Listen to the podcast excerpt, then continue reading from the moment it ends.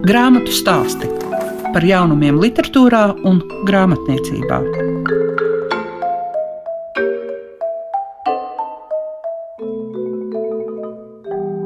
Es aicinu jūs ieklausīties šīs dienas grāmatu stāstos. Un tajos jūs dzirdēsiet Inesi Krūmiņu. Viņa stāstīs par vilkli. Tā ir subjektīva autores dzimtas stāstu interpretācija. Un vēl uzklausīsim Mārtiņu Mintauru. Viņš atkal atvērs jaunākās domu zīmes numuru. Grāmatu stāsti tiem, kam grāmatu lasīšana ir vērtība. Grāmatu stāstos jūs varēsiet tūlīt dzirdēt Ines Krūmiņu.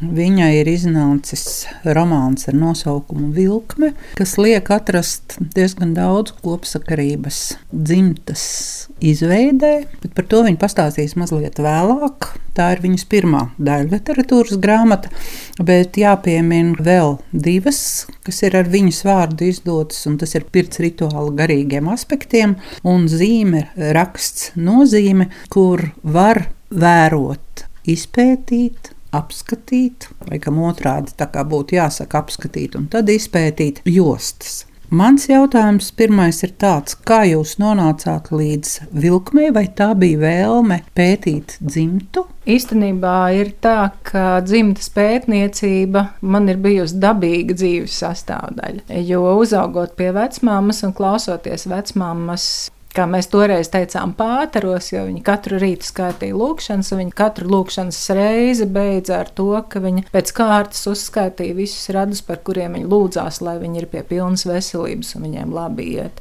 Un līdz ar to pat nesasniedzot skolas vecumus, es jau zināju, kā sauc visus manus radus, pat ja es neatcerējos, kuri tie ir un kā viņi izskatās. Un šie dzimtas stāsti un visi tie notikumi, tos es esmu vienmēr atcerējusies. Un dažādās dzīves situācijās kādreiz tas ir bijis ļoti palīdzoši, un kādreiz tas ir bijis kaitinoši un traucējoši.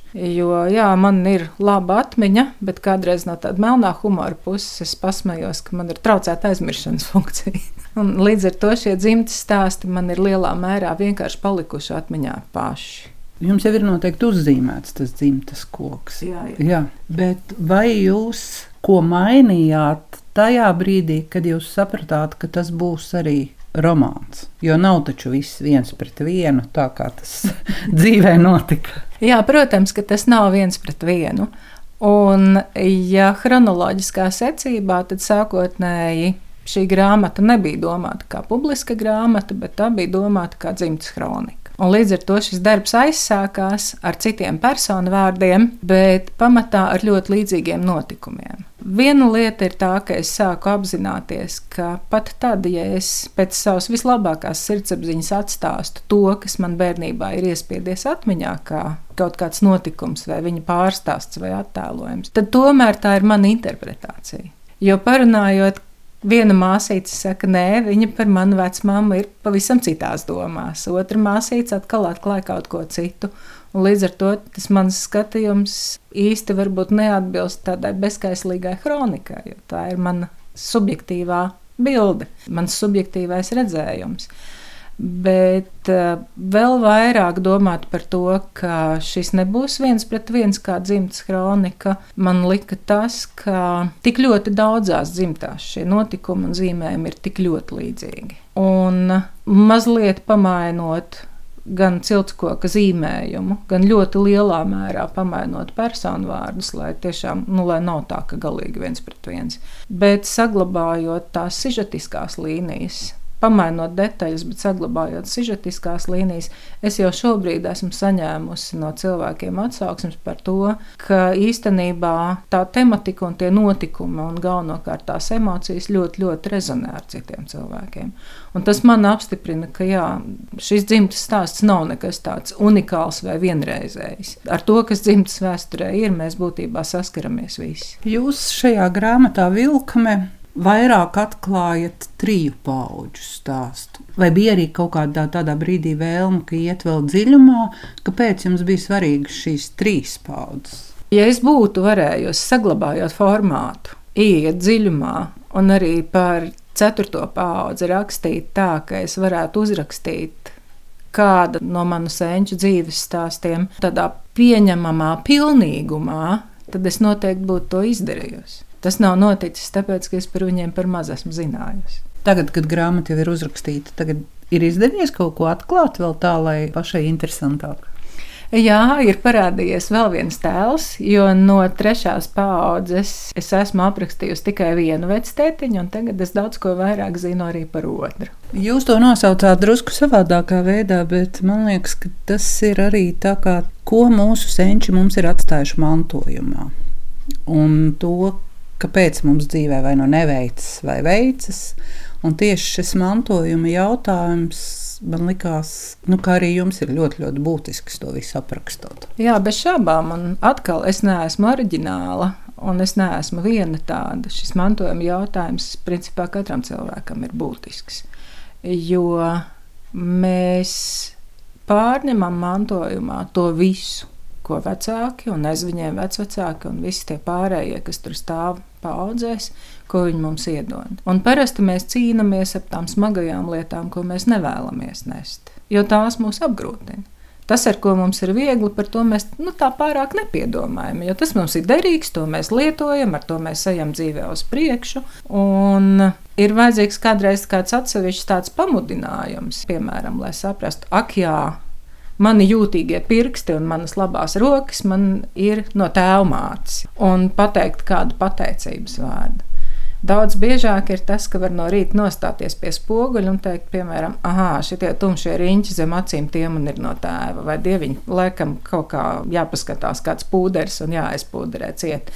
Pamāja domās ar roku tētim un saka, no jā, tēti, paldies tev pēdiņās. Bet tas ir tāds varbūt nu, ļoti paviršs salīdzinājums, bet lai saprastu, kā tas process darbojās. Jo, piemēram, man pašai ik pa laikam ir bijusi problēma savaldīt ātrās dusmas. Un kamēr tā ir tikai mana problēma, ar to ir ļoti grūti strādāt. Bet tad, kad es varu saprast, no kuriem senčiem visvairāk to es esmu mantojusi, un saprast arī to, kā šie cilvēki tādi bija kļuvuši, šī mantošana pēc tam kļūt tāda iespējama, tādu un ne savādāk. Tad es varu nu, apstāties tajā dusmu uzvilnījuma brīdī un, piemēram, teikt, ka, nu jā, mans vecvectēvs šajā situācijā būtu noskaldījis te visu zilu zaļu, tā ka akmens uz akmens nebūtu palicis. Bet ko es darīšu tikai kā Ines, nevis kā savu vecvectētiņu cienīgu mantinieci? Un tad kādreiz var izpūst gaisu un pateikt, paldies, neko. Tie ir sīkumi, pa kuriem es sacepos. Kā jūs domājat, kurš no jūsu radiniekiem jūs ir visvairāk ietekmējis? Un vai jūs ar viņiem tagad, jau pēc grāmatas uzrakstīšanas, arī sarunājaties? Jā, es ar saviem radiem sarunājos, bet tas varbūt psiholoģiski neizklausās visai uh, normāli. Jo no savas dzimtas, no iepriekšējām paudzēm un no brāļiem māsām es esmu palikusi pēdējā. Un es jau ilgāku laiku esmu pēdējā. Jo mana mamīte ir projām jau stipri ilgi, no 88. gada, drīz pēc viņas aizgāja tētis, un brālis un māsa arī abi nomira samērā jaunos gados. Tā ka no tiem, kas man ir stāvējuši aiz muguras vai līdzās, es jau ilgu laiku esmu pēdējā. Bet šīs domu sarunas man ar viņiem ik pa laikam notiek vēl joprojām. Jo ir bijušas, piemēram, dzīvē situācijas, nu, tādas traģiskas situācijas, kurās es pēkšņi saprotu, ka, jā, ak, vai es gribēju tik daudz ko darīt citādāk nekā mammai, bet es esmu nonākusi tādā pašā peļķē ar chronoloģisku precizitāti pēc kalendāra tieši tajā pašā vecumā. Un situācija ir tieši tāda pati, pēc daudziem parametriem. Un sākumā tas bija tāds izmisīgs sauciens. Kāpēc? Kāpēc? Kāpēc tas atkārtojas? Kāpēc mana mamma iekļuva tādās sprukās? Un kaut arī es esmu centusies darīt to visu tik daudz savādāk, un pretojusies mammai un strīdējusies ar viņu, kāpēc es esmu nonākusi tieši turpat? Vai jūs uz šo kāpēc varat atbildēt? Es tādēļ sāku mācīties sistēmu fenomenoloģiju, jeb Hellinger sistēmu. Un tas, ko es esmu sapratusi, ir, ka ja mēs sev neuzdodam šo jautājumu, tad mēs gandrīz vai bez izvēles darām Visu tieši to pašu, kas ir darīts pirms mums, un atkārtojam gan mūsu senču labos darbus, gan mūsu senču traģiskās kļūdas. Tādas pamatlietas, ko jūs darat, jūs aužat jostas, jūs mācāt matemātiku un jūs palīdzat sakārtot muguras. Kā tas jūsos sakārtojas tā, lai būtu un bija laiks radīt vilkli? Man vajadzētu tagad, kā politiķim, atbildēt, hmm, tas ir labs jautājums, un sākt runāt par kaut ko citu.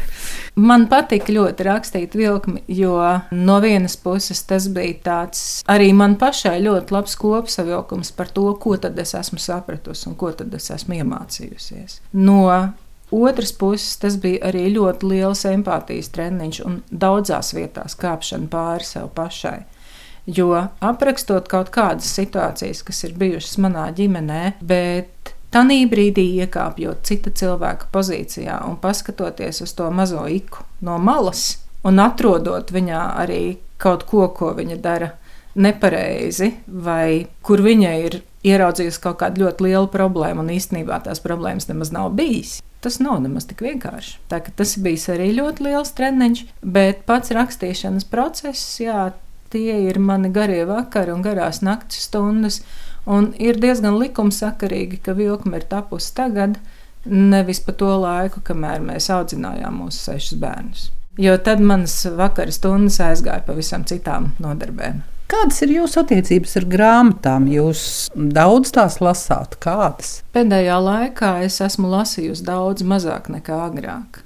Jo manas attiecības ar grāmatām savā veidā arī atspoguļojas šī romāna nosaukumā. Mana vilkme attiecībā pret grāmatām ir ļoti liela. Ja es paņemu rokā lasām vielu, un tā ir, kā lai pasaka, labā valodā rakstīta, tad uh, tas var beigties arī četros no rīta, bet aiz aiztaisīta grāmatas aizmugures vāka. Es saku, pašlaik pēdējā Jā. laikā ir tā, ka vairāk draugi iesaka kaut ko man lasīt jo es esmu samērā daudz lasījusi speciālo literatūru tieši par psiholoģiju un par Hellingeru sistēmu, bet arī tur pat šķiet, ka kāds no tiem darbiem varbūt būtu pārāk specifiska rakstura, bet arī tos ir aizraujoši lasīt. No tādiem pēdējā laika izdevumiem man ļoti patīk lasītāja, jo arī ar manu personisko būtību un esību daudz kas sasaucās. Tieši tāpat man ļoti arī patīk izglītotā. Tā ir Vestoverbe. Grāmatu stāsti programmā Klasika. Grāmatu stāstos esat jau vairāk kārt dzirdējuši par jaunāko decembra numuru domu zīmi, gan par prózu, gan dzēju.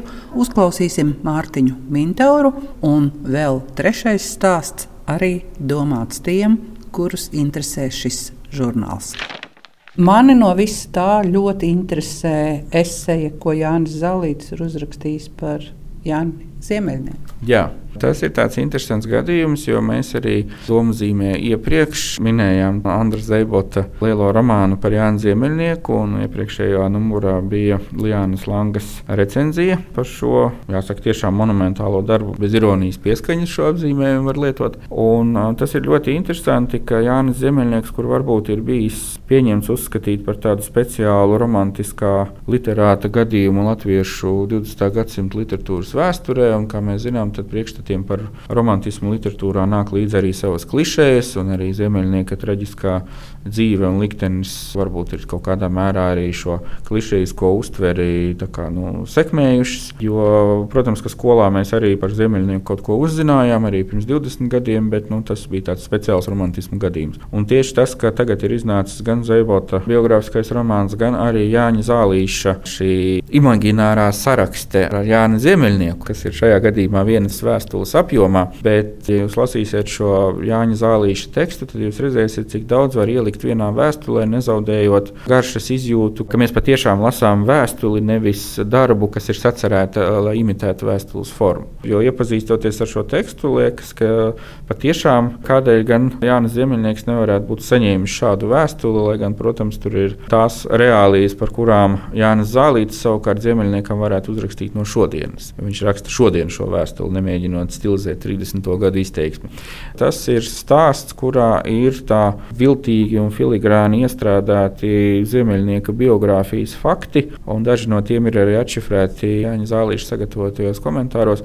Un uh, man šī vēstule likās ļoti interesanta tieši tādēļ, ka mēs varam redzēt, cik dažādi var rakstīt literāta biogrāfiju, un ka patiesībā šādā žurnāla formāta darbā ir iespējams pateikt ļoti daudz par to, kas ir Jānis Ziemeļnieks, kā veidojās viņa dzīve, kāda bija tā kompānija vai sabiedrība, kurā viņš dzīvoja un ar kuru viņš kontaktējās, un kas savukārt ietekmē kaut kādā mērā arī viņa paša likteni. Tāpēc tiem, kas lasīs Jāņa Zālīša esēju Jānim Ziemeļniekam dzimšanas dienā, būs iespēja patiesībā ieraudzīt tādu diezgan raibu un krāsainu latviešu literārās vidas panorāmu 20. gadu beigās, 30. gadu sākumā. Ja mēs pievēršamies vēsturei, tad diezgan dramatisks ir Innas Gīles raksts epidēmiju posts, kas parāda Jā. teiksim, reālo situāciju, no kuras mēs droši vien vairāk atceramies vai esam dzirdējuši par spāņu gripu, bet nebūtu par reālo situāciju. Bet godīgi pirmais raksts, ko es izlasīju no jaunākās domzīmes, bija tas, ko uzrakstīja Eva Eglāja Kristsone. Es gribu uzvarēt vai mirt, kas Jā. ir par Marijas Talbo. Marijas Talbo Veglīti, jā, un tā ir vēl viena parādība mūsdienu latviešu publicistikā un arī literatūras vēsturē, kas ir ļoti interesanti, jo, kā mēs zinām, tad burtiski iepriekšējā gadā sākot ir tāds feminisma vilnis latviešu literatūras vēsturē, kad mēs arvien vairāk uzzinām par uh, sievietēm latviešu literatūrā un par to, cik patiesībā nozīmīga daļa ir tajā, ko mēs saucam šodien par latviešu literatūras klasiku, gan sieviešu autoru radīta, gan arī tā daļa, kas nebūtu iespējams bez sievietes rakstnieces klātbūtnes. Tas ir ne tikai stāsts par Rainu un Aspaziju un par dziniekiem, kuri dzīvo kopā un kuri tāpēc viens otru daļradi ietekmē, bet tas, manuprāt, ir patiešām tāds pagrieziens tajā virzienā, lai mēs no tādas varbūt bieži vien deklaratīvas runāšanas par dzimumu līdztiesību un par to, ka es atvainojos, sieviete nebūtu nav sliktāka rakstniece kā vīrietis vai kaut kādām tādām ļoti triviālām, banālām tēzēm, kuras visi zina un, un neviens neapšauba, mēs esam nonākuši pie tā, ka patiešām tiek izzināti sieviešu likteņi, sieviešu biogrāfijas latviešu literatūrā. Un tāpēc Evas Eglājas Kristons raksts ir ļoti interesants, jo Eva kā parasti raksta tādā saduras punktā starp vēsturi, literatūru, eseistiku. Varbūt tas ir viens no tiem retajiem gadījumiem mūsdienu latviešu autoru vidū, kad Eva prot un spēja rakstīt ļoti interesanti par lietām tajā formātā, ko sauc par starpdisciplināro pieeju, kas arī ļoti bieži piesaukta.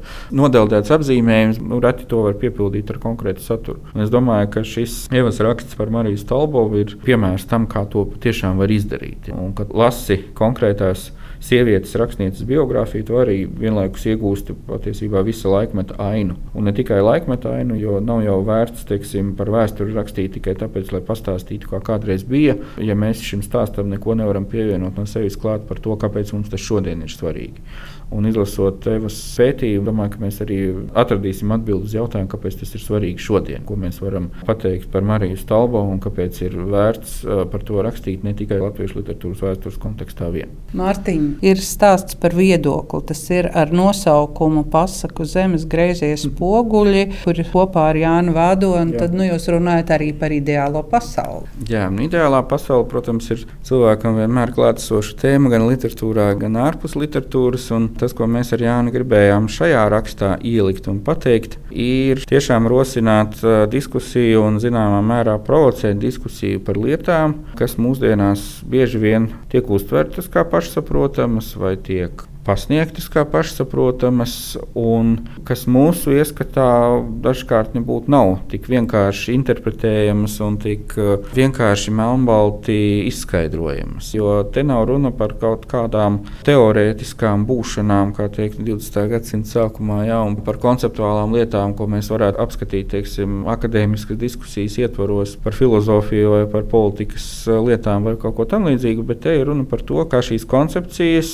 uh, filozofijas, ekonomiskās, sociālās, politiskās koncepcijas, kā tās ietekmē mūsu dzīvi šodien. Un tas ir gan jautājums par politkorektumu vai politnekorektumu, tas ir jautājums par to, kādu valodu mēs lietojam, kādus apzīmējumus mēs izvēlamies. Šis jautājums arī, mūsuprāt, nav tik vienkārši atbildāms un tik vienkārši interpretējams plusa un mīnus kategorijās, jo valoda, droši vien, ka filozofam Heideggeram bija taisnība, ka valoda veido cilvēka pasauli. Tāpēc viss, kas notiek, notiek valodā, ne tikai atspoguļo to, ko mēs domājam, bet arī veido burtiskā nozīmē to pasauli, kurā mēs dzīvojam.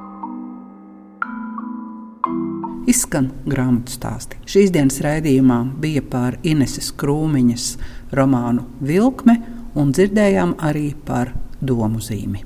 Visu labu jums saka Lieka Piešiņa.